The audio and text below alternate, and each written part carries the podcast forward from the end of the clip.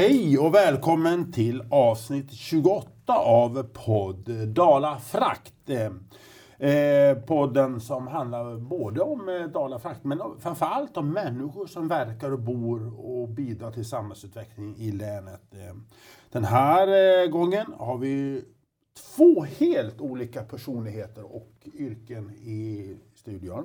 Jag hälsar Lisa Hugosson, teaterchef för Dalateatern. Hit. Kul att du ville komma Lisa. Jättetack, tack så mycket. Och Magnus Weinstock, kalkylator och KMA för Dalafrakt. Välkommen. Ja, tack så mycket. Eh, Magnus, du får förklara vad KMA är. För att, eh, vi nog, men vi tar det sen, så får vi en cliffhanger. Då gör vi så. Ja, vi, vi gör så. Eh, vi sitter på gamla brandstationen i Falun. Och eh, vi är mitt ute i slutfasen av succéföreställningen Sweeney Todd som har gått här under eh, vårvintern, under mars och bit in i, i april. Och eh, många har sett den, många har hyllat den och jag själv kallar den för megasuccé. Jag, vad säger du Lisa, håller du med mig? Mm, eh, eh, man är lite krass i våran bransch men det har blivit en megasuccé.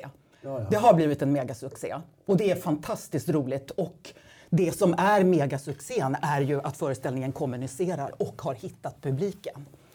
Eh, så det finns inte en biljett att uppbringa och eh, det hände ganska snabbt efter premiären. Sen gick mun mot mun-metoden och eh, det är fruktansvärt roligt. Ja, för att det är ju så att när, den började så fanns det platser kvar. Mm. Men sen när den satte igång mm då tog det slut direkt. Och bästa marknadsföringen är att folk har suttit i salongen, upplevt någonting och går ut och säger till sin kompis Du måste se det här. Är det, är det, det, det måste vara Ja, det är faktiskt, eh, det är faktiskt liksom Um, ja, mun mot mun-metoden, det är väldigt, väldigt viktigt på teatern. Du säger kommunicerar, vad menar du med det? Uh, det är alltid, teater är ju ett möte precis i ögonblicket. Och även om vi spelar 40 föreställningar så är det ingen föreställning som... Alltså de, den är ju lik föreställningen dagen innan. Ja. Men det är alltid ett möte mellan scen och salong. Eh, beroende på vilka människor som sitter där. Dagsform. Och när den här kommunikationen uppstår att berättelsen går ut, drabbar de som sitter i salongen och de som sitter i salongen blir känslomässigt berörda eller intellektuellt berörda. Men att det är liksom ett växelspel mellan känsla och tanke. Och sen går de ut och säger till sina kompisar, fasen, ni måste gå och titta på det här. Då, är det häftigt. Då tar biljetterna slut. Ja. Och det intressanta är ju att det sitter ju då 300 personer som berörs på tre olika hundra olika sätt, eller? Det är också så unikt. Jag är alltså amatör inom kultur och jag är ju en idrottsnörd, men det är ganska, jag har själv sett den ja. och jag kan skriva under att den är helt fantastisk. Mm. Eh, men när du säger dagsform och du ska möta olika människor. När man ser på de stora teatrarna så spelar de film på dagarna, någon, någon filminspelning och sen så gör man föreställning på kvällarna. Det måste vara väldigt, för en skådespelare, det måste vara konstigt och två olika medium, eller hur är det att göra en dubbel på det viset? Eh, det är ju ytterst få förunnade som, som filmar på dagarna och mm. eh, spelar, föreställningarna på, spelar föreställningar på kvällarna. Men det är ju två, alltså det är ju samma yrke men det är två olika medier. Mm. Så att eh, uttrycken, alltså de kroppsliga uttrycken är mycket större om du står på en scen mm. Eh, än om du spelar framför en kamera. Mm. Eh, då kanske uttrycket sitter mycket mer i ögonen eller i ansikte. Vad är charmen med filminspelning? För, för teater kan jag förstå, för då kan du se reaktionerna från publiken. Men vad är charmen med film? Eller pengarna? Eh, nej, alltså, nu, nu, byter vi medie, men ja. om, jag, om jag bara själv ska svara som mm. mitt gamla ja, yrke, ja, att jag är skådespelare mm. i botten. Mm. mm. Eh, och nu blir det en väldigt, väldigt personlig, eh, mm. alltså jättepersonligt mm. svar. Men det är slitigt att vara skådis. Alltså, kväll efter kväll efter kväll ska du berätta samma historia och uppleva det på nytt varje gång och lura dem som sitter i salongen. När du filmar så är det härligaste när regissören säger Tack! Det sitter Ja. nästa. Varför jag frågar dig Lisa, det är ju så här. Du, du är ju här som chef för Dalateater, da, teaterchef för Dalateatern. Men vad jag förstår, du, men du är också utbildad skådespelare. Du kan hantverket. Du var från 78 till 98 så var du väl på olika teatrar i landet. Har jag, har jag, har jag gjort rätt? När när jag Ja, du har gjort rätt research. Ja, Uppsala stadsteater, Mittteatern, Härnösand och Göteborg har det varit. Det ligger och Stockholm. Och det är därför jag frågar, för att du kan ju hantverket. Jag har varit på turné i över 20 år, främst med Riksteatern. Åkt över hela landet. Så när du, s- det är nu, nu i din egenskap utav eh, ansvarig för Dalateatern, när du ser på, dem på scen, du känner igen och du vet hur man, vad, Ja. känslorna. Jag, jag, eh, jag vågar påstå att jag kan läsa skådespelarna. Är det en fördel för Dalateatern att eh, man har en sån chef som kan det här? Det, det är ingen förutsättning att du, att du har stått på scen själv för att vara teaterchef. Det är det absolut inte. Men det är en väldig fördel att förstå de konstnärliga processerna. Det är ändå, man brukar säga att det är 40 yrkesgrupper bakom en teaterföreställning. Du kommer som publik till eh, teatern och så ser du skådespelarna. Men för att det ska bli en föreställning så är det nästan 40 yrkesgrupper bakom en föreställning. Och då att ha kunskap liksom om, om de konstnärliga processerna, ja, det, det, det är rätt bra ibland. Mm, jag misstänkte nästan ja. det. det, det. Var därav jag frågade om det här med film och, och, teater. För att du, du har säkert den erfarenheten så att säga, och den biten. Men du, eh, hur kom det sig att du kom till eh, Dalarna? För du kom närmast då från Riksteatern, jag förstått. Ja, jag kom från Riksteatern. Ehm, Jag var på väg eh, bort ifrån Riksteatern ehm, och tänkte att Nej, men jag har sneglat på Dalateatern länge och jag vet inte riktigt varför. Jo, det vet jag visst. Jag vet precis varför jag har sneglat på, på Dalateatern och det är för att Dalateatern ute i Teatersverige har ett väldigt gott rykte för sin barn och ungdomsteater. Och jag har ett enormt hjärta i barn och ungdomsteatern. Eh, men sen har jag liksom tittat på Dalateatern eh, i två eh, rekryteringsperioder. Första gången vågade jag inte riktigt ta steget och söka. Och andra gången tänkte jag, nej, vad fasen, nu testar jag. Eh, och nu har jag varit här i sex år. Sex år. Ja, sen är jag ju född på Falu lasarett och uppvuxen i Älvdalen så att jag har ju lite Du har- Dalaanknytning. Du har, du har själen här, så att säga. Jag har lite skäl här. Men barn och ungdomsteater, det är inte lika känt, i alla fall för många. Eller inom branschen kanske det är så, men för vanligt folk är det inte det. Nej, för vanligt folk är det inte. Man ser, man ser, en teater gör ju jättemycket arbete förutom den där timmen på kvällen när eh, man har köpt en biljett och går in och sätter sig i salongen. Men hälften av Dalateaterns verksamhet är i skolan. Och då är det ju professionell teater men på dagtid för skolbarn och lärare i hela länet. Och då åker man ut och gör en turné bland skolorna. Ja, och Dalateaterns uppdrag det är ju att vara på turné i hela länet. Vårt uppdrag är inte att bygga fast sig och spela i Falun. Utan vi ska ju vara i hela länet. Vi är en länsteater, en regionteater. Eh, och det är precis samma med, med vuxen. Vi ska ut på turné med alla vuxenföreställningar. Vårt mål är att spela i alla 15 kommuner med varenda produktion. Eh, det är inte alltid vi kommer upp i alla 15 kommuner, men 13, 14, 12. Så vi spelar väldigt mycket ute på turné. Och sen hälften då är barn och ungdomsteater. Men en sån här eh, föreställning som Sweeney Todd till exempel, som har varit här. Eh, det är Falun. Det, det måste, Det är bara Falun som får eh, nytta av den. Men då gör vi istället så att, vi, eh, att det ingår i biljettpriset på en viss föreställning att man kan åka buss. Eh, så det går fyra bussar utifrån länet, Idre, Älvdalen, från olika håll. Så att man kan komma till föreställningen i Falun, titta på den och bli hemtransporterad med buss. Så att vi vänder på det eh, och att det ingår i biljetten.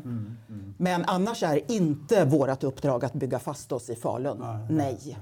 har ni lyckats bra med uppdraget? Är du nöjd eller kan, vad kan bli bättre? Eller är det, vad som där. Eh, nej, men jag är, är ju jättestolt över allt arbete som medarbetarna på teatern gör och, och, och det vi gör, verkligen, verkligen. Eh, sen är det ju så att eh, kulturen alltid, och det är mycket prat nu om kultursamverkansmodellen och att staten och eh, eh alltså att u, bidragen urholkas och urholkas. Och teater kräver tid och mycket människor för att det ska bli teater. Mm. Folk frågar ibland så här, ja men kan inte kan inte repetera kortare tider, kan inte spela fortare. Nej, man kan inte spela fortare och det tar åtta, nio veckor att göra en produktion. Vad innebär spela fortare? Nej. Jag förstår. Jag bara, det går jag, inte. Vi är radio nu, men jag ler när du sa spela fortare. Jo, men precis. Man, men allt ska vara så effektivt, men det går inte att spela mm. teater fortare. Mm. Mm. Eh, så så eh, teater kräver människor och tid. Mm.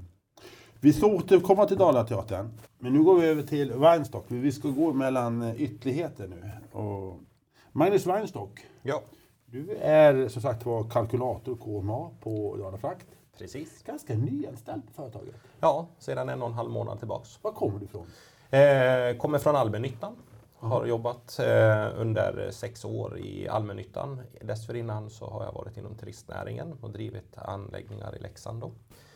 Och ska vi gå ännu längre tillbaka så har jag väl vågor i knäna om det kallas för det då, som, att, som sjöman. Har du varit sjöman? ja, eh, under en, en period eh, seglar vi mellan Europa, USA och Kanada. Oj. Så att, eh, det är lite annorlunda. Jag visste mycket om det och jag sa men där missade jag. Liksom, jag måste fråga, hur är det att vara sjöman idag? Eh, det är inte som eh, på den eh, glansiga dagen. Så, så idag är det precis som vilket arbete som helst. Det är in ut genom hamnarna och snabbt och det är bara pengar det man jagar. Ja. Så, att, så det, är, det är inte lika glamoröst som det var förr kanske. Inte som tatueringar och man Nej. har en kvinna var, var hand. Precis, absolut inte. Men, är du, men det är över Atlanten och du har gjort en del vågstormar. Och, ja, det har jag gjort. Hur är det att vara mitt ute i Atlanten och en stor jättestorm drar upp? Eh, visserligen fartyget jag jobbade på var enormt stort. Vi var nästan, nu är det litet jämfört mot de eh, båtarna som kommer idag, ja. men vi var nästan 300 meter lång. Och eh, strax utanför norr om Azorerna så stötte vi på en orkan som SMHI hade missat lite grann åt oss. De hade gjort en felbedömning. Okay. Och eh, då var det ungefär 17 meter vågor. Och då spelar ingen roll. Höga, 17 meter ja, höga? Ja. Och då spelar det ingen roll att man är stor, då är man liten i alla fall där ute. Hur var det? Berätta känslan. Vi som inte har varit ute. Så. Känslan är att ja, ja, det kommer att gå bra. Det är att vi står stilla här just nu och väntar ut det här. Men eh, när havet, eh, man badar vatten som man badar i är ganska mjukt. Men det kan vara otroligt hårt när det slår. När, det, eh, när vågorna slår mot skrovet på ett fartyg. Så ni låg stilla där ja. och så bara väntar ni? Man bara ligger och stampar mot det. Viss rädsla finns det, det sitter ju, så är det ju. För du vill ju inte gå över bord på, i och lägga dig i vattnet när det är sådana vågor ute. Så så är det ju. Vad gör man? Sitter man i hytten? Nej, det är bara, dagen fortsätter som vanligt. Vad gjorde du då? Jag var, då var jag steward, så jag lagade mat åt besättningen. Och eh, äter man mat när det är en orkan? Jag äter mer än någonsin då. Man gör det? Ja, jag tänkte full, på sjösjuk, sjö, sjösjuka och sånt. Ja, precis. När jag full mage, då klarar du dig från sjösjuka. Men, eh, vi ska vidare med ja, Men det är väldigt spännande, för det är inte många som har varit med om det där. Nej, men, men eh, man gungar rejält då, eller hur, hur påverkas det? Det blir... Eh, det är stötigt när man är i lastfartygen. Om man tittar på färgindustrin eller färjetrafiken, mm. de rullar ju fram. Ja. Och det är ju för att de har ju stabilatorer på sina båtar. De fäller ut som vingar på sidan. Ja. Men vi, vi blir mera ryckigt och stötigt och det är väl mera det som är jobbigt på det viset. Men är det någon som blir rädd, riktigt rädd? Ja, det är väl möjligtvis som man har haft elever ombord och sånt och som inte har varit med om det förut. Ja. Hur tänker du, sista frågan om, om mm. havet, men det var ju lite tag sedan en färje i olycka i Norge. Det gick ja, som slutade lyckligt, mm, Vad tänker du när du ser sådana saker? Mm, vad lätt hänt det är. Ja. Eh, tappar du strömmen så är du helt utslagen ja. mot vädrets makter. För då styr vågorna var du hamnar någonstans. Det är så. Ja. Men det är havet ger och havet tar? Inte Exakt, ja. så är det. Du har respekt för havet? Ja, det har jag. Definitivt. Men du, du kommer ja. från allmännyttan? Från ja. Rättvik va? Ja, från Rättvik. Vad gjorde du där då? Eh, satt som fastighetschef där. Ja. Och eh, var med och eh, byggt upp en ny organisation där. Eller ny och ny, tog över ett bolag som var lite skakigt och eh, lyfte upp det så att vi kom fram till med plussiffror och sådana saker. Så det har varit en lärorik och tuff resa. Det får jag lov att säga. Du har en bred yrkesbakgrund. Ja. Och så kommer du till Dalafrakt. Vad fick dig att söka dit? Det är det som är spännande med dig, att du är ny och du får lite utifrån perspektiv. Precis. Eh, spännande att testa någonting nytt. Och eh, jag tycker om siffror. Eh, är inte rädd för att ta nya utmaningar. Och det är väl det jag känner att när det börjar bli för slentrialt om man säger så, då är det dags att göra någonting nytt. När det bara går i det gamla vanliga. När man alltid vet hur dagen oftast ser ut, då är det dags att göra någonting nytt. Ja. Och det här känner jag mig utmanande över att få göra. Då. Och ja. sen eh, Eh, men man har barn och sånt så är det när man sitter och kör mycket i trafiken så är det ju så att det, det är många timmar som försvinner både på morgonen och kvällen.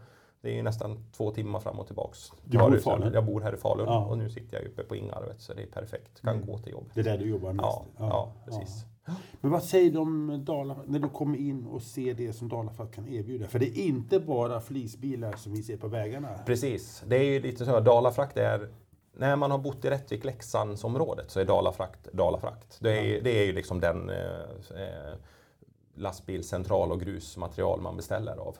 Men eh, när det gäller eh, när man kommer hit till Falun är Dalafrakt otroligt anonymt. Det finns ju ett större bolag som är betydligt mer dominant på de vägarna här. Mm. Här i Falun ser man oftast bara eh, våra flisbilar, flisbilar ja. och några rundvirkesbilar. Ja. Men i Leksand så ser man alla sorters bilar. Men, men alla de som bor i Falun-Borlänge som inte begriper någonting, eh, eh, skojar jag lite ja, naturligtvis. Men man, vad är anläggningen? Vad gör ni? För eh, anläggningen, eh, entreprenadsidan som jag är anställd ja. i, då, vi är ju med och räknar på de jobb som är till exempel uppbyggnad av nya vägar, tomter och diverse olika saker. Mm. Så att vi, När man åker in i Mora till exempel, då på höger sida så byggs ja, det en stor... Industritomter byggs ja. ju där då.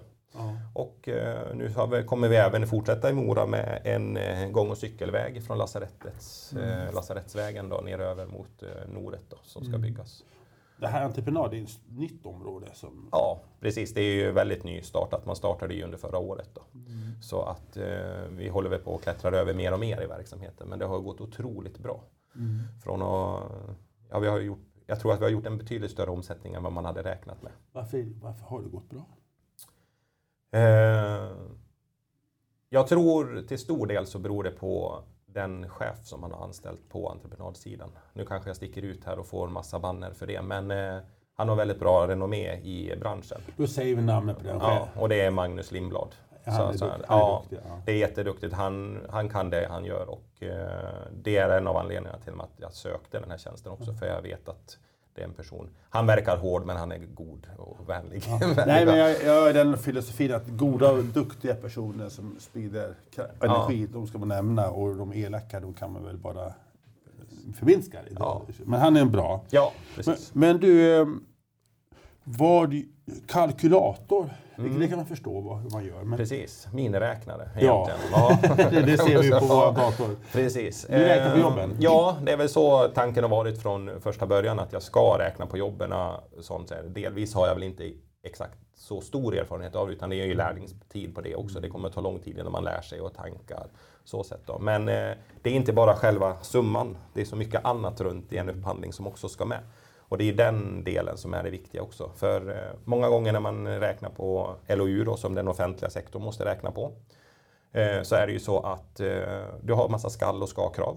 Och har du inte följt dem, då blir du förkastad. Och det innebär att då är du inte med i matchen längre. Och det är de delarna som är så otroligt viktiga, att man får med helheten. Är du nervös för att du ska missa någonting? Alltid. Ja, för det handlar inte bara om att räkna rätt i offerten. Nej, precis. Gå igenom alla ja, men precis. Priset ska vara rätt, men sen ska vi ha allting annat runt omkring. Mm. Och det är det som är det farliga, för det är, det är så lätt hänt att man missar ett litet ett papper någonstans. Ja, då är man förkastad. Men du, KMA, vad är det? Ja, KMA är ju en förkortning av kvalitet miljöansvarig. Då. Mm. Och eh, det är ju någonting som vi jobbar väldigt mycket och brett och har blivit väldigt stort fokus på. Förut så beställde man en grävare, han kom hem och grävde och så åkte Pelle därifrån och så var man nöjd. Nu har man fått sin grusuppfart. Och sådär. Men idag så kräver man att man ska ha kvalitet och miljöarbetet, att det man följer regelverken, att man kan leverera en kvalitet som är god och eh, sådana saker, även mot Arbetsmiljöverket och de delarna. Då. att vi följer regelverket rent ut sagt. Det är det som KMA, då, att vi följer allt vi ska göra. Ordning, det det, Ordning och reda. Ordning och reda. Ja, Ja, precis. Man ser KMA lite här och där. Ja, men precis. Och eh, det har blivit, eh, det är egentligen en tyst grupp. Det är en anonym grupp i de flesta företagen. De finns alltid någonstans. Någon som har tagit åt sig det här lilla jobbet. För det är inte så, det är inget stort. Nej. Det är jättestort. Det är större än vad folk tror. Ja. Så är det. Och det tar mycket mera tid. Och sen är det en eh, ivrig företagsledare kanske. Nu driver vi på, ja, men vad, nu måste vi stanna här upp. Ja, men precis. För då kallar man in Magnus Weinstock och kollar upp. Precis så att vi följer vårt regelverk och och sådana då, saker. Då, tappar vi tempo. Ja, så, så kan man väl uppleva, men många gånger så är det ju så att... Eh, ja, men jag, jag, för, eh, många gånger, det ja ett absolut. skämt, ett skämt. Ja, ja, absolut. Men många gånger så är det nog så man upplever att ja, men nu är de där och gnäller igen. Ja, vi måste följa regelverket. Ja, men det blir så mycket lättare för de som bestämmer när man väl står där Ja. inför skranket och ska göra någonting. Ja. Och Arbetsmiljöverket knackar på eller om polisen kommer och hälsar på. Eller, det händer någonting. Det är en- Har man alla, alla papper på plats då blir det inga stora... En trygghet. Ja, precis. Har ni en KMA inom Dalateatern? Lisa? Ja, jag måste tänka efter. eh, eh, på, på, på ett sätt så har vi ju det. Eh, Det är eh, arbetsmiljö och det är. Absolut, absolut. Även om vi inte har en KMA. Men alla beslut som vi också tar och alla beräkningar på varenda produktion så sitter ju vi också och gör budgetar på allting och försöker förutse vad som kan hända och inte hända. Eh, eh, så att våra processplaner och budgetar och allting är ju extremt noggranna. Eh, Och jag tänker på, nu tittar jag på er båda, att eh, upphandlingar och, och räkna på jobben måste vara riktigt. Och, Precis, och jag menar vi gör ju också upphandlingar i, i den bemärkelsen att vi köper rättigheter till produktioner, vi placerar dem i årscykler där budgeten ska räcka och eh, ja, vilka upphovsmän och konstnärer ska vi anställa och vi vad- förhandlar med varenda människa och eh, ja, i slutändan så ska pengarna eh, gå ihop. och lite till, för du måste investera framtiden. Eh, ja, precis. Nu, nu har ju inte vi... Nu, nu är ju vi skattefinansierade så vi får ju en ny budget nästa år men vi ska ju definitivt inte överträda vår budget. Punkt slut. Vad känner du som privatperson och känner Magnus pratar Dalafrakt? Är det, är det flisbilar för dig eller vad, vad är Dalafrakt för dig? Eh, Dalafrakt är ju ingenting för mig. Så när jag går härifrån så kommer jag ju att titta nu på varenda bil. Däremot är jag otroligt intresserad av grävmaskiner och hus och upphandlingar. Det är så, ja. ja. och i somras så eh, kom ju... I somras mötte jag den häftigaste bil som jag någonsin har träffat och det var en torrsug. Vad är en torrsug? För Magnus, berätta. Ja, en torrsug. Visste du vad det var, Melissa? Alltså jag hade hört talas om en torrsug men jag hade ju aldrig mött en. Vad är en torrsug? Torrsug är egentligen en stor dammsugare. Ja, världens största dammsugare. Ja, så kan man se på det. Ja, ja, ja. Ha, äger Dalafrakt någon sån? Eh, vi har kombibilar, så vi har ju både sug och eh, vatten så sätt. Och vi har ingen torrsugbil. Det har vi Men inte. Lisa, så du, visst, du kände igen, du gick igång på den när du såg, när du så, såg en sån bil? Eller var det, var det mest att den var så häftig? Eller vad var Nej, det? nej, nej. Alltså bilen skiter jag i. Men, men vad den kan göra. Funktionen. Ja. Eh, eh, Men du visste om att funktionen, du kände igen? Ja, nej, men jag, jag är... Eh, eh, ja, men jag googlar och, och, och läser det, och ja. eh, är Ja. väldigt intresserad av husgrunder och eh, huskonstruktioner och, och Oj, ja. ja, så. Vi har alla våra egen, egna speciella intressen. Så att säga. Ja, absolut. Jag är väldigt duktig på att lägga äkta lertegeltak. Okej. Ja. Jag har lagt, jag har lagt, marknad. jag har lagt många tegeltak. Ja, men när du säger husgrunder sånt där, det börjar toucha lite vad ni gör på entreprenadsidan, Ja, eller hur? precis. På Dalafrakt. Absolut. Ja, så att, eh, eh, flisbilarna, de ser vi kanske på vägarna väldigt ofta. Mm. Eller lerbilarna från Gävle brukar ju passera Falun mycket. De åker varje dag från hamnen i Skutsjö, tror jag det var. Jaha, det är det. va? Mm. till Kvarnsvedens pappersbruk med lera så de kan göra papper. Så de åker varje dag. Vet, du, jag sitter i en svart låda och på ett kontor från hela dagarna. Så att, eh, jag ska hålla ögonen eh, öppna. Vad vet du om Dalateatern? Eh, egentligen mindre än vad jag trodde. Vi pratade ju lite här innan nu när vi träffades och eh, man tror att Dalateatern är det här stora huset som står här nere vid, i, i centrala Falun, mm. vid Faluån. Men eh, det är ju en väldigt liten del, fick jag förstått. Mm. Eh, det som jag tycker är roligt, det är det som du nämnde lite grann att ni har för barn och ungdomar. Jag har ju själv barn som ofta nu faktiskt är nere på teater. Jag tror senast den här veckan ska de ner på något uh, ny event där. Om det är Dalateatern eller om det är den andra delen som är i huset, det vågar jag inte svara på. Men jag tycker det är kul när man uh, i dagens digitala samhälle faktiskt får åka och titta på en föreställning där mm. människor står framför. Mm. Precis det som du pratade om, det här att Eh, går vi idag och går imorgon så är det två helt olika föreställningar fast egentligen så sitter de ihop. Beroende precis på det du säger, att det här med hur människan är och hur man själv uppfattar det. Mm, mm. Så um, kulturellt kanske jag inte är sådär jätteintresserad. Jag har sett reklamen om den här delen som är och jag har fastnat för det och varje gång jag jag har inte hunnit läsa reklamen. Men sen har jag förstått att det har varit någonting stort vid eh, magasinet där då. Men jag hade inte förstått att det var Men på när det här. dina barn går på på barnteater, får man säga så? Du vet, ja, barn och ungdomsteater barn, kallar vi det för. Ja. Märker du, berättar de när de kommer hem, märker de, du ja. som förälder, att, du, att de har varit med om ja, det? Ja, det märks för att de, de har ett annat eh, de kommer oftast med någon kommentar eller synpunkt. Liksom, så här, men det var spännande och mm. det var lite annorlunda. Och det, jag tycker det är jättebra att man försöker hålla kvar sånt här i skolans värld. Kanske ja. låter som man är gammalmodig men Eh, jag tror att det är en del som man behöver ta tillbaks mycket. Att folk får vara med, eller barnen får se saker och ting på ett annat sätt idag med tanke på hur det digitala samhället ser ut.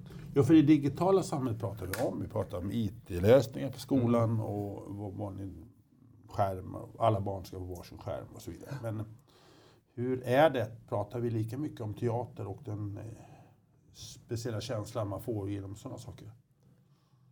Jag pratar om idrott och skolan gör vi ofta. Mm. Men hur, ni vet, jag menar det här andliga, det blir ju en slags form av...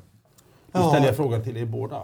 Jag tror inte det tyvärr. Jag, jag tror däremot att man kanske är inne i just när man läser någonting, ett specifikt område i, i, i skolan, alltså som ligger i läroplanen. Då är man väldigt inne i det. Sen, sen tror jag nog att det försvinner bort. Så, då, så tror jag det är. Lite grann. Lite grann. Nu, är, nu läser vi religion. Då läser vi alla religioner. Nu läser vi matematik. Då är man, visserligen kärnämnena följer ju med, men man är ju inne liksom i matematiken, det vet vi hur den ser ut. Man räknar på ett annat sätt än vad man gjorde när jag gick i skolan och då är jag inte allt för gammal. Men man blir lite så att man ska förändra så mycket i de här världarna. Men när det gäller teater och de här delarna, då tror jag Eh, fritids tror jag mer är så här att de spelar och har shower och sånt kvar fortfarande. Men jag tror att det mycket beror på att de ser saker och ting på ett annat sätt. Upplever ni som att ungdomar och barn idag vill stå på scen? För det, det känner man ju via sociala medier, att man gärna vill komma ut. Och många drömmer om att bli programledare på Mix Megapol och, och visa sig utåt. Är det någonting som teatern kan fånga upp? Det, det... Eh, åh, det är så komplexa frågor så jag, jag, vet inte var jag ska börja någonstans. De estetiska ämnena läggs ner i skolan. är fullständigt vansinnigt. Eh, eh, eh lä, eh räkna, skriva, alltså kärn, kärnämnena ja, är viktigare än, än de estetiska ämnena. Och, eh, Alltså barn gör ingen skillnad på att själv stå på scen och att se professionell konst. Barn måste få utöva. De måste få uttrycka sig själva och utöva och de är fantastiska på det. Men de behöver också se professionell teater. Det här är också liksom Eh, ja, barn kan väl spela själva för varandra och så har vi fixat den där biten. Mm. Nej, barn behöver möta den professionella konsten och barn behöver reflektionen. Likadant som vuxna behöver reflektionen. Dalateaterns signum är att vara en plats för det eh, angelägna samtalet. Eh, och där är det reflektionen. Eh, och ibland så brukar jag säga, jag jobbade med en fantastisk kollega under många, många år. Det är så lätt att man går på teater och så säger man så här, var det bra? Ja, det var bra. Eller det var dåligt. Och sen stannar diskussionen där. Men i ett möte med en ung publik i skolan, i ett samtal där man får reflektera kring karaktärer, kring undertexter, kring handlingen, kring status, i det mötet och det finns inget facit i konsten. I skolan finns det alltid ett facit, det finns rätt och fel, men i konsten finns inget facit. Utan det är liksom fascinationen att, nej men gud, tänkte du så? Men det såg inte jag, jag såg det här. Aha, du tänkte... Tolkningsfrågan. Alltså, ja, så att det blir ett sånt oerhört mycket djupare möte. Eh, och ja, det finns inget facit och det är så fantastiskt. Men du, när du säger estetiska ämnen läggs ner, vad kan det innebära om man nu får spekulera? Vi vet ju inte facit, men för våra ungdomar när de växer upp. Liksom, för, det, för det fyller ju en funktion för vårt liv och tänkesätt och uppleva. Eller, en amatörmässig reflektion från min sida, men vad har du? Och lika, frågan gäller också till dig Magnus som far. Att om sådana ämnen läggs ner. Jag tycker, det, jag, jag tycker ju att det är så fruktansvärt att de estetiska ämnena eh, försvinner. Eh, sen tror jag ju, eh, och då menar jag liksom konst och kultur i... Nu råkar jag vara teaternörd, men, men jag menar alla de konstnärliga uttrycken är ju jätteviktiga, anser jag. Eftersom det handlar om att vara människa och hur ska jag fungera som människa? Och... Ja, hur, tog, hur kommer vi att fungera som människor om den biten försvinner? Ja, jag, jag, alltså jag, jag har inget svar, men jag bara tänker att kunna läsa eh, kroppsspråk, ögon, tonfall, alltihopa. Du måste ju titta en annan människa i ögonen och vara i dialog. Eh, och det skrämmer mig om det bara blir att du ska liksom ha en skärm framför dig hela tiden. Eh, ja. Eh, men jag håller med faktiskt i det här med att snart, om, om det tyvärr fortsätter att utveckla i den här världen som vi gör. Eh, man pratar idag om att en 11-årigt eh, barn klarar av att ha en kommunikation, ja, mellan, mellan 7 och 11 kommunikationer igång samtidigt. Jag ser det själv på mina barn. De, de lyssnar på bok i ena örat, pratar med en kompis i andra örat, de spelar med den andra. Alltså de håller på med så otroligt mycket och samtidigt de, pratar de med föräldrarna faktiskt också. Men det här med att prata öga för öga, det tror jag, du ställer frågan hur, det här med hur kommer människor att vilja stå på scen och man vill synas. Men man vill synas på skärmen. Men man blir väldigt privat när du blir fysisk närvaro mellan personer i fråga. Man blir väldigt blyg helt plötsligt. Det, blir, det är väldigt jobbigt. När man har jobbat med den delen jag har jobbat inom fastighet så ser man ju de problemen i skolvärlden. Mm. När man, den här blygheten kommer i olika saker. Eh, det blir jättejobbigt i skolan, man kan inte gå på toaletter, det ska vara ljudisolerat. Så att man, allting det här, det blir ett hälsoproblem i det här. Och jag tror att det har att göra med att man blir så avskärmad ifrån att vara mm i en grupp. Och gör, är socialt, liksom, så man är social digitalt. Hur många människor har, ja men jag har 150 eh, digitala vänner. Men hur många vänner har du fys fysiskt? Så att du har, ja det vet jag inte. Nej, just det. Mm. Då börjar man undra egentligen, vad är vi på väg någonstans? Mm. Många gånger man skrattar åt de här science-filmerna som man har sett då. Eh, Disney gjorde väl en film här om den här roboten som bygger upp världen efter ett, eh, för människorna lever i ett rymdskepp. Det är nästan så att vi håller på, vi hamnar i de där mm. situationerna, att man eh, självkörande bilar, allting som man diskuterar hela tiden.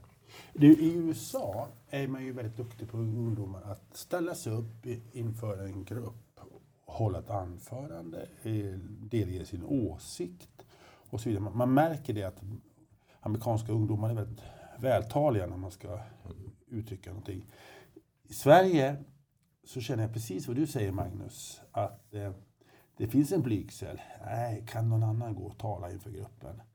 Här måste väl Lisa, teatern ha en viktig roll. Mm. Där man liksom vågar stå inför en grupp och prata. Vi, vi, har ett projekt som vi har drivit i många, många år och som ligger liksom permanent i vår verksamhet som heter eh, DIG, kallar vi det. Men det står för Dramatik i grundskolan. Mm. Och då eh, läser vi eh, dramatiska texter med eleverna. Eh, och sen diskuterar vi alla de här karaktärerna och undertexterna och statusen och vändpunkterna. Och det roliga är att ungarna älskar för alla, det är ju enda de sysslar med. Vem ska jag bli när jag blir stor? Och vad är kärlek och vad är min status? Så det är ju rakt in i deras, liksom, ja, där de befinner sig i sina liv. Men man pratar då om fiktiva figurer.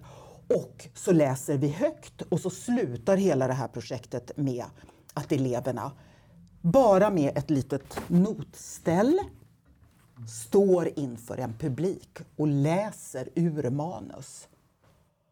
Det är De är så...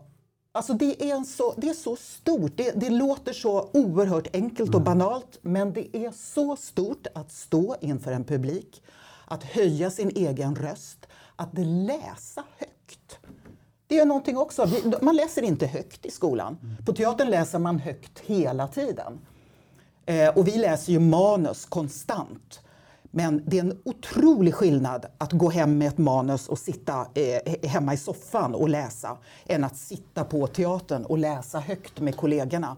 För att du lyssnar och hör och hör saker som du inte kan förutsätta. Det är det som utvecklar människan, att kunna läsa högt också. Det är det, är det den stora förtjänsten.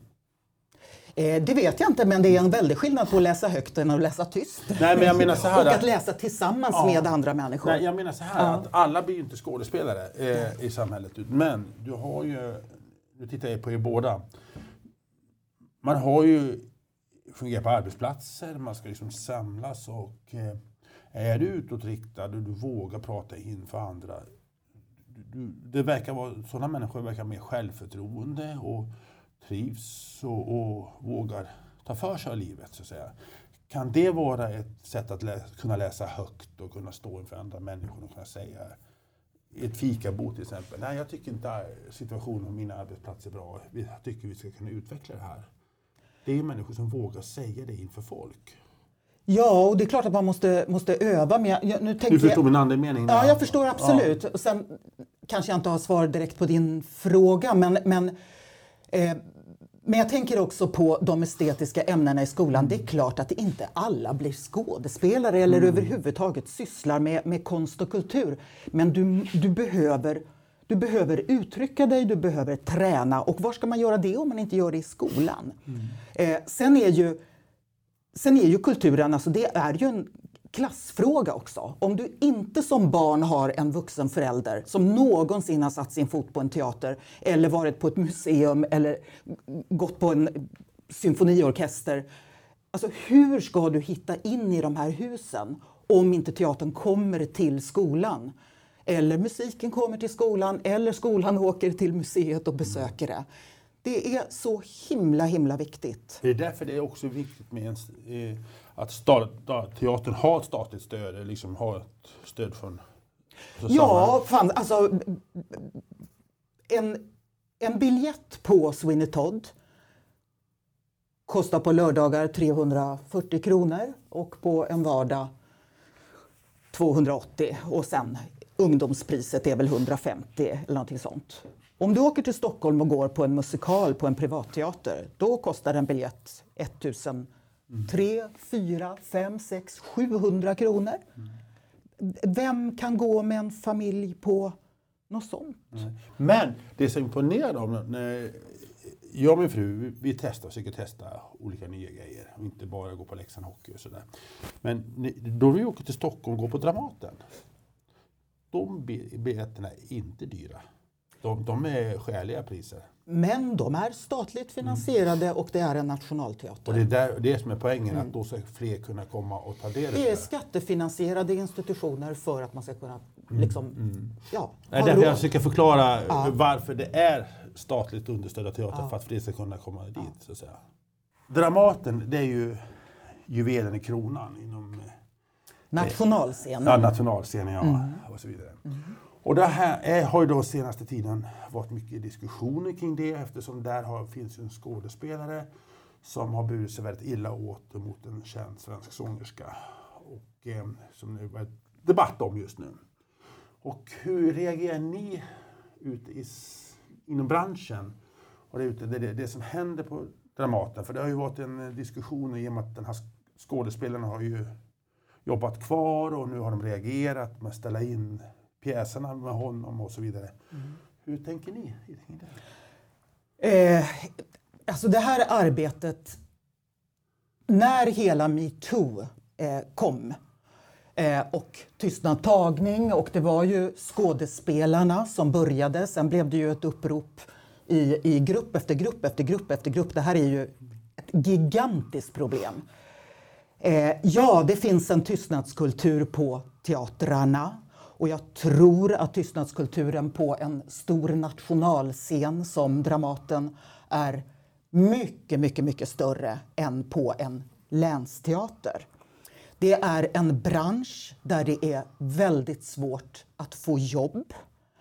Eh, det finns nästan inga fasta anställningar vilket gör att folk också är väldigt, väldigt rädda för att vara obekväma. Men det som har hänt efter metoo, eh, alltså jag tror ju verkligen att någonting har hänt.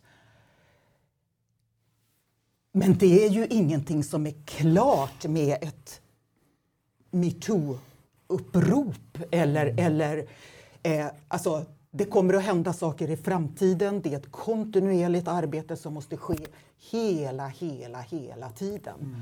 Men det är ju för jävligt. Du får svära. Ja, det är för jävligt. Ja, det här frukten. Ja. ja. Du, eh... Eh, och sen, sen eh, vad heter det? Alltså gemene man också. Eh, det finns ju väldigt mycket fördomar om teatrar och teaterhusen och konstnärskapet och det är liksom, du står i kontakt med Gud och övre makter och allt möjligt och du är född till konstnär. Och det, det är ett jobb. Det är ett alldeles vanligt jobb som du utbildar dig till eh, i fyra års tid. Eh, går på en konstnärlig högskola och eh, det är ett jobb. Och eh, när metoo kom upp så märktes det tydligt att inom skådespelarna, yrket, det var en oerhört kraftig reaktion. Jag var nog en av de, i de yrkesgrupper som reagerar kraftigt kanske de, för att de är utåtriktade, många skådespelare. Men, men man ser på ögonen, jag ser på dig att, att du är väldigt emotionell nu och det, det, det är bra. Men eh, det här måste ha varit en väldigt stark upplevelse för många skådespelare att det här kom upp på ytan. Har ni pratat mycket om sånt här på Dalateatern? Ja, absolut. Och vi utbildar oss kontinuerligt. Eh, I morse så, så tittade jag på en utbildning till. Alltså vi måste ju kontinuerligt hålla på eh, med detta. Eh, det, det, det är subtila saker eh, som du aldrig någonsin blir färdig med eftersom du jobbar med människor. Mm.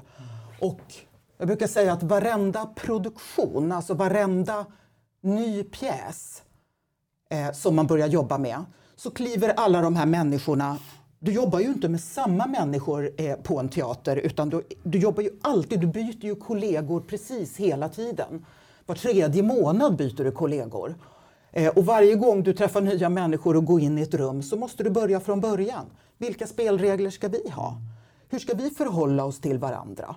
Eh, och, och ja, vad, vad, vad är förutsättningarna för att vi ska jobba tillsammans under fyra månader nu? Vad säger du Magnus, hur reagerar du när Disa berättar det här? Eh, ja, alltså det, det, just i det här fallet så är det ju djupt tragiskt att man egentligen eh, man tror att det är flera som, precis som du säger, det är fler som har vetat om det, men man skyddar varandra. Man vill inte vara obekväm, man vill inte säga vad man tycker. Eh, jag tycker att det är bra att det kommer upp i samhället, de här problemen mm. som är. Eh, både mot kvinnor och män i olika situationer. Nu är det ju tyvärr mest kvinnor som blir utsatt för det, men det finns säkert inom mm. manssidan också som blir eh, både det ena och det tredje. Så sett då. Men jag tror att det är, det är bra att det blir uppdagat på ett annat mm. sätt hur man ska bete sig bland människor. Men samtidigt så får det inte bli för stort så människor blir rädda. För att, alltså, för stort kanske är helt fel ordval att säga så sätt, men det får inte bli så att det blir en rädsla att kan man säga det här eller kan man mm. göra det? Det finns ju så många olika aspekter på hur man ska kunna man, respektera, respektera varandra på ett av, avslappnat sätt. Precis, exakt så är det. Men eh, de här grejerna som inte är acceptabla, det är självklart Men att det ska handlar inte om sunt bondförnuft? Man ska respektera sina medmänniskor och liksom, eller Vad tycker du Lisa? Vad är det Magnus? Ja, men det är lätt att säga eh, bondförnuft och sen när man börjar gräva djupare, alltså ditt bondförnuft kanske inte eh, är, är mitt bondförnuft. Eh, och då blir det det här liksom. Hur ska, vi, hur ska vi fyra som sitter runt det här bordet nu, hur ska vi fungera tillsammans? Mm. Vi kanske fungerar så här. Men om jag sätter mig vid det bordet, mm. då kanske vi har andra ja. regler. Mm. Och det är de här subtila liksom, jargonggrejerna. Mm. Det märker man ju jätteofta. Och jag som, jag som teaterchef till exempel, jag går ju genom flera olika kulturer varje dag kan jag, kan jag eh, känna. Jag går in liksom hos teknikerna, jag går in på ateljéerna, jag går till snickaren, jag går in på administrationen. Det är olika jargonger, olika språkbruk, olika ja, kulturer. Eh, och, och, ibland i en produktion så, så kan det liksom om du kommer utifrån in i en produktion så kan du ibland känna att men gud, vilket, vilket hårt språkbruk de har. Och i en annan produktion så pratar man precis diametralt motsatt. Eh, men du måste... Jag tror stenhårt på att du måste diskutera varje gång. Hur ska vi förhålla oss till varandra?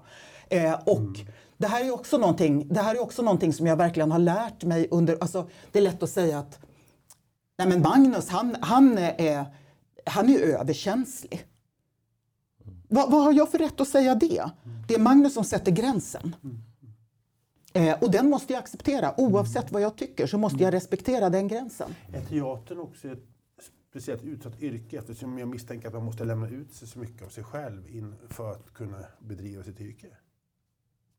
Ja, det är ett yrke. Det är viktigt att komma ihåg att det är ett yrke. Men du har ju dig själv som instrument. Ja, du måste lämna ut det, ja, det du, du har dig själv som, ja. som, instrument. Det är, så att, eh, det är klart att det är utsatt. Mm. Det handlar om att göra bort sig hela dagarna. Det handlar om att mm. kasta sig rakt ut och Precis. hoppas att du landar. Mm. Eh, nu säger jag något fördomsfullt kanske, men siffrorna är ju där. Och ett plus ett blir två. Eh, och tre plus tre blir sex. Eh, etc. etc. Men, men, men kastar jag mig ut och provar ett nytt tonfall eller en ny känsla eller så. Ja, det finns liksom inga garantier i konsten. Men Magnus, har du, ser du någon parallell till det här inom man uppför sig som ett företag, på ett företag som Dalafrakt till exempel, hur man bete sig mot varandra, hur viktigt det är att man tar upp de här frågorna. Absolut, det är det. Eh, jag tycker att man har kommit väldigt, väldigt långt i, eh, i faktiskt i, i olika företag, alltså i företag i, i allmänt så tror jag, så är det här någonting som har gått väldigt, väldigt fort. Eh, och den här metoo-propagandan varit nog väldigt, eller diskussionen, det vart nog väldigt, väldigt mm, då var det liksom mer okej okay att det här är. Men det känns som att de sista 5-10 åren så alltså har ju det här klimatet förändras radikalt i hur man beter sig. Eh, även när man är på ett mansdominerat yrkesroll. Om man tittar eh, för 15-20 år sedan så hade du kanske inte kvinnliga målare, murare, plattsättare. Idag är det så liksom, det är som vad som helst. Det är, det är tjejer med överallt. Och det har liksom blivit att arbetsmiljön har blivit mycket mjukare och mer acceptabel. Man, man vågar prata om känslor på ett annat sätt och hur människor mår. Eh, och det är någonstans det har kommit i hela samhället och det har att göra med att jag tror att den här eh, kulturen håller på att försvinna eh, där man är eh, man och kvinna-kulturen om man säger så. Den finns ju kvar säkert givetvis någonstans men den är mycket, mycket mjukare. Sen är det tragiskt när det inträffar sådana här mm. saker. Eh, det här fallet som är på Dramaten just nu då, om man tittar så, det är ju det är många år tillbaks. Mm. Och, och, och, jag tror att eh, sen att hela, nu är absolut inte för att det är okej okay att det var för många år sedan, mm. men det har liksom blivit hade det varit samma kultur som det var när det här inträffade idag mm. så tror jag inte det hade blivit sån stor mediadrag av men det här. Men tur är väl att ändå att det man kan aldrig säga att det är bättre att det var bättre förut och det är skönt att det kommit upp. Så att, säga, ja. att, att det har stannat. Precis. Fast bara säga en viktig grej också. Historien som eh, dokumentären handlade om, den var för många år sedan. Mm. Men personen i fråga jobbar idag. Precis. Mm. Precis. Men nu uppdagas det på ett annat mm. sätt ja. och det är det är bra att det tar sig tur. Mm. Det som jag kände nu när vi har diskuterat lite här, mm. eh, jag tänkte på precis det du sa, det här hur tolkar du? Mm. Och vi pratade lite om det här innan du och jag, det här en röd tråd emellan våra, bägge våra yrken, om vi säger så, så är det så här tolkningsrätten. Hur tolkar du din upplevelse och hur tolkar jag min? Eh, I din värld så är det hur du som mot person mot person tolkar en sak. I, vår, I min värld så är det hur tolkar man en skrivelse? Ni, det här precis som du sa när ni läser ut manus. Ja, men det här tolkar du på det här viset. Jaha, gjorde du det? Jag tolkar det inte så. Jag tolkar det så här. Precis som Svea rikes lag. Du kan tolka den. Det är samma sak när vi sitter och gör en handling. Jag som har bytt sida om man säger så på vad det beställare till att bli entreprenör. Jag ser det när man satt som på beställare och gjorde alla de här upphandlingarna. men det här är solklart nu. Det här förstår de. Det finns ingen tvivel i det här. Jo du, det finns många tolkningar på andra sidan. Men jag ville komma till här, det som händer i Dalafrakt är ju väldigt roligt för att det är både män och kvinnor, äldre och yngre. Ja. När man går in på huvudkontoret. Eh, man kan tänka mig att eh, anläggningsverksamhet, lastbilar är en machomanlig värld. Mm. Men så är det inte Nej. på Dalafrakt. Det, är ganska häftigt att komma ja. in. Mm. Det, det, vi går vidare tycker jag. Ja. Eh, vi, vi började det här programmet med Sweeney Todd. Och jag tycker vi fortsätter lite med det. Eh, hur, var kom, kom idén kring detta? Och hur växte produktionen upp? Eh, verkligen, jag säger det igen, det är ingen självklarhet att en Sweeney Todd blir till. Det är viktigt att, att förstå. Det är över 70 människor på scenen. Men det finns regionala institutioner som bor i Falun Uppdragen är att vara regionala och det är Musik i Dalarna och det är Dalateatern. Men vi råkar bo i Falun. Det är vår, vår hemmaadress. Det är här vi gör våra produktioner och sen skickar iväg dem. Och att ha en hel Dalasinfonietta och en hel länsteater och en magasinsbyggnad. De tre ingredienserna gör ju att man som kulturinstitution vore dum i huvudet höll jag på att säga, jag menar inte så. Men alltså det är ju bara självklart att man väntar, hallå, hallå, hallå, ska vi inte leka med varandra? Ska vi inte ännu en gång göra en sån här mastodontsatsning? Eh, men det handlar om att spara ihop pengar så att man har råd med detta och sen samarbeta. Sen, alltså en länsteater, det här, det här är viktigt, det här måste jag få med. En länsteaters uppdrag det är att vara problemlösare. Alltså hela idén med en länsteater det är att du ska kunna åka iväg vart som helst i hela länet och skapa fullödig teater utan förutsättningarna. Det är liksom hela affärsidén.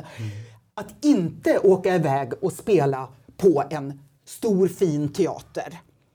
Utan i ett klassrum, på en bygdegård, i en sal eller på en teater. Ibland har du en jättestor scen, ibland har du en jätteliten scen. Mm.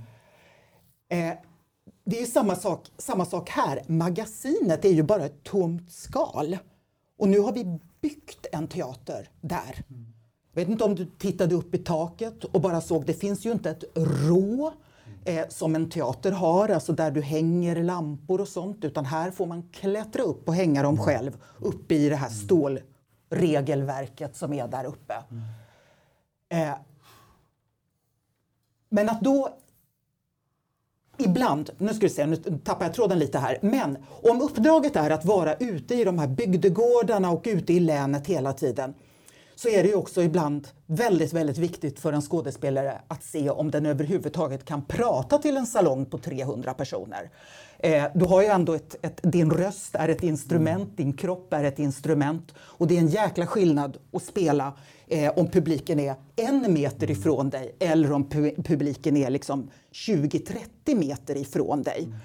Så att det är ju ett, en, en, växelverkan helt enkelt. Så det är fantastiskt att ibland få stå på en stor scen och verkligen spela. Du säger så här att vi har tre faktorer. Du har Dalateatern, Dalasymfoniettan och Magasinet.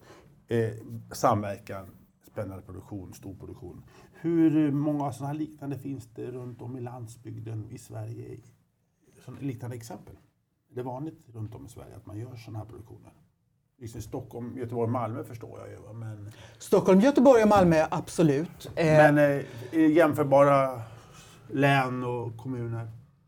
Eh, Jönköping har, ett, eh, de har en orkester och de har en, ett gigantiskt hus som de spelar i och de spelar mycket stora eh, föreställningar. Eh, men nej, det är icke vanligt. Jag går på lite nästa fråga. Vi, man pratar ju om en konserthall i Falun nu. Ja. Eh, Dalasymfonietten har ju vinklat om eh, Falun, Borlänge. Har ni i Dalateatern haft någon diskussion om ni ska flytta till Borlänge? Någon liknande?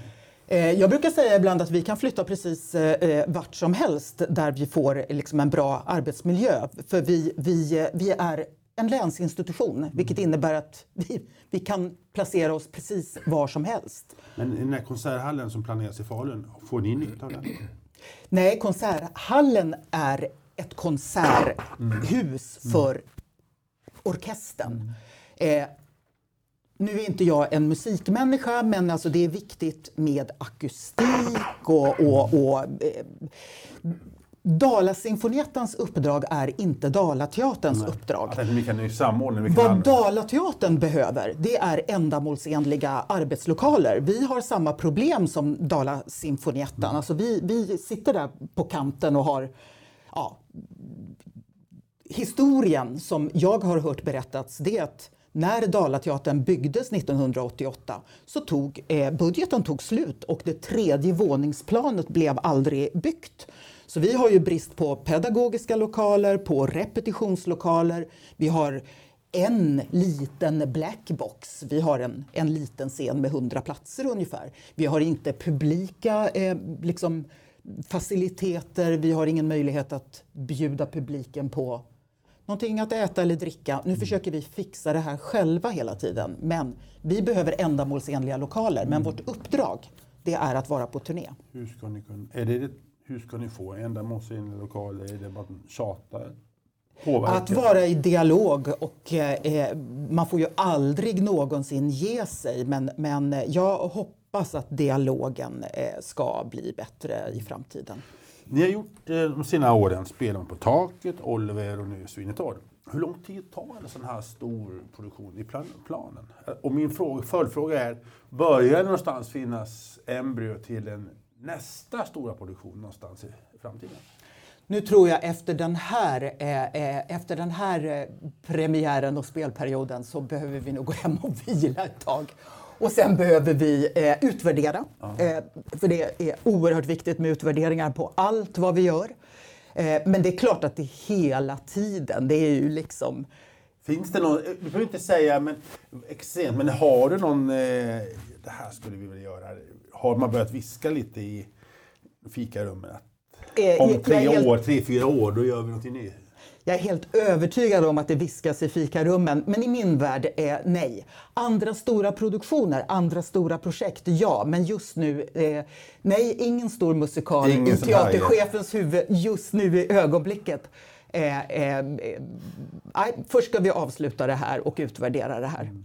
Mm. Jag måste ställa en fråga, jag vet inte om du Magnus håller med mig om den här frågan. Helt annan nivå. Men när jag tittar, tittar på skådespelarna. Nu undrar jag, hur sjutton kommer man ihåg alla repliker? Hur sjutton kommer man ihåg vad man ska säga? Eller, eller förstår du, håller du med mig? Ja, absolut. Alltså, det är nästan tre timmar lång föreställning. Hur sjutton kommer man ihåg det? Ska jag tala om hemligheten? Ja, gör det.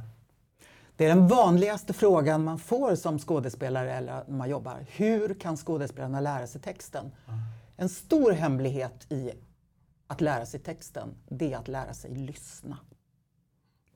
Om du lyssnar på motspelarens replik, och då menar jag verkligen hör vad motspelaren säger, då vet du vad du ska svara. Men jag kan tänka mig att det blir lite olika för varje... Nej. Det blir lika? Det blir lika. Det blir lika och det ska vara lika. Det är en dramatiker som har skrivit texten och det ska vara lika. Det är klart att om du får en blackout eller någonting. Mm. Ibland brukar man säga att, att eh, eh, jag måste göra det så att, så att det passar bra i munnen. Men du kan inte, nej du får inte skriva om texten eller göra om texten eller säga vad du vill. Det här är en yrkesskicklighet måste också finnas. Det är väldigt, väldigt mycket pluggande och det är därför det tar åtta veckor att komma till en premiär. För texten måste in i kroppen, den kan inte bara ligga uppe i, i, i hjärnan utan den ska in i kroppen. Och ofta när du får texten och får scenerierna och scenerierna det är ju hur du förflyttar dig på scenen. Eh, när du har fått kroppen med dig så kommer texten och lyssnandet och alltihopa. Men det är ett otroligt nötande arbete. Man jobbar åtta timmar om dagen med att bara repetera i åtta veckors tid. Man gör så. Ja. Eh, vad gör ni på dagarna brukar de fråga ibland. Om man spelar på kvällarna. Vad gör skådespelarna på dagarna? På dagarna jobbar de åtta timmar om dagen som vilken, vilket yrke som helst och bara repeterar. Det blir ju så naket. Att stå, eller kan du tänka dig Magnus att ha en... Ja, du står där tre timmar och, och vissa är ju många timmar på scenen att komma ihåg alltihopa. Är du duktig på att komma ihåg? Nej, det är nog ingen stark sida från min sida så, så att jag kan få. Men det är återigen det här, repetera, repetera, repetera. Ja. Sen är det ju så, man hittar ett sätt att hitta och komma ihåg saker och ting. Man, man sätter in saker och ting säkert framför sig. Man skapar en bild. Då ser man att ja, men det här är en fjälltopp. Då ser jag det och det framför. Jag tror att det är det som de... Man, man jobbar nog inte med teater bara för att man inte för att jobba med teater utan man jobbar nog med teater för grund av att man mm. har den egenskapen och att man klarar av det. Det är precis som du sa förut, det är en yrkesskicklighet att bli den här. Och jag tror att det är så. Man, man hittar målpunkter som man hela tiden, precis som du säger, man känner in läget. Så här är det man lär sig. Du, lite kort innan vi börjar gå slutet på programmet. Mm. Vi pratar om framtiden, om Dalateatern och, och nya Sweeney Todds. Men hur ser det ut på Dala Frakt med entreprenörssidan för framtiden? Hur, vad är din magkänsla? Infrastrukturen växer. Så att jag tror inte att det kommer att bli eh, någon bristvara på jobb. Eh, den största utmaningen som vi har, som vi har, det är att hitta folk som vill jobba med det här. Det är svårt att gräva en kabelschakt eller avloppsschakt med data eller telefon. Det är det där. Ja, det är precis som inom kulturens värld tror jag att det här eh, fysiska kroppsarbetet försvinner mer och mer. Det är svårare att hitta människor och att vilja göra de här jobben. Det är det jag tror kommer att vara den största utmaningen. Ja, den generationen håller på att lämna in nu om man säger så. De börjar bli Eh, pensionärer och det, finns, det, är för lit, det är större av utgång än vad det är ingång om vi säger så. Mm. Du, att avsluta på programmet. Eh, nu har vi lyssnat på Lisa Hugosson här. Hur, hur har ditt kultur och teaterintresse påverkats under den här timmen vi har pratat här? Och skulle, förbaskar du dig själv att du har missat Sweeney Todd exempelvis? Och så, och så vidare, Magnus? Jag skulle nog kunna tänka gott själv på den, alltså så sätt när jag hör, alltså så, jag, jag och min fru har nog helt skilda världar när det gäller kultur, kulturell. Jag kan nog lyssna mer på sån här musik och eh, symfoniorkestrar och diverse olika i olika hur man mår. Lite grann. Är man väldigt stressad så är det väldigt rogivande att lyssna på en klassisk musik eller en eh, orkester på ett annat sätt än vad det kanske är att lyssna på dagens popmusik om man säger så. Så att eh, vi försöker gå på teater med barnen och sådana saker, föreställningar som vi tycker passar dem. Vi har varit en del i Stockholm och sett några av de här barnföreställningarna och sånt sätt. Men eh, här uppe i Falun och runt omkring, jag tror att man är för dåligt påläst vad som finns. Man, man ser det inte på det viset. Ni, ni har inte den eh, eh ekonomin för att kunna marknadsföra er på det viset som de stora drakarna gör säkert. Så man, man, tyvärr så försvinner nog lite grann i närheten av en. Så är det. Men det, men, det, är, eh, det, det är någonting som ligger i embryo som är spännande. Ja, men alltså jag kan tycka det är jättehärligt att gå och se en teater och se för att jag är fortfarande, som jag säger, jag är imponerad av att det här, precis som vi pratade om tidigare, att de kommer ihåg allting. Och att de bjuder ju verkligen på sig själva. De klär ju av sig på scenen egentligen om man säger bokstavligt talat. Om du Lisa får sista ordet här, vad säger du när du hör Magnus säga det här? Nej men eh, Magnus han har helt, eh, vad heter det, eh, fått mig att tro på framtiden mm. och det är på grund av att Magnus säger att det är jätteviktigt med kultur i skolan. Mm. Och det sa du ju, det mm. barnen går du ja. med. Mm. Ja. Blir inte det bra slutord? Då kör vi det tycker jag. Tack för att eh, du kom hit, Lisa Hugosson, och lycka till i framtiden. Vi, väntar, vi är många som väntar på ett liknande stort projekt om några år, eh, när ni har tröttnat och i hösten ni sätter igång, så hoppas att vi, vi får uppleva embryot till någonting liknande sen. Eh, Magnus, tack för att du ville komma hit och lycka till i, din, i dina uträkningar och räkna mm. rätt och så vidare. Jättespännande att höra hur det var på en orkan i havet. Mm. Det var otroligt spännande. Mm. Eh, Magnus Ståhlberg, producent, som har sett till att ni lyssnar. Tack för att du gjorde ett jättebra jobb. Och tack lyssnare för att ni har varit med idag. Och den som tackar det är Anders Hansson. Eh, det var detta. Snart kommer vi med ett nytt avsnitt av på Dalafrakt. Och vad handlar det om? Ja, det får ni se då. Ha det till dess. Ha det så bra där ute. Hej då!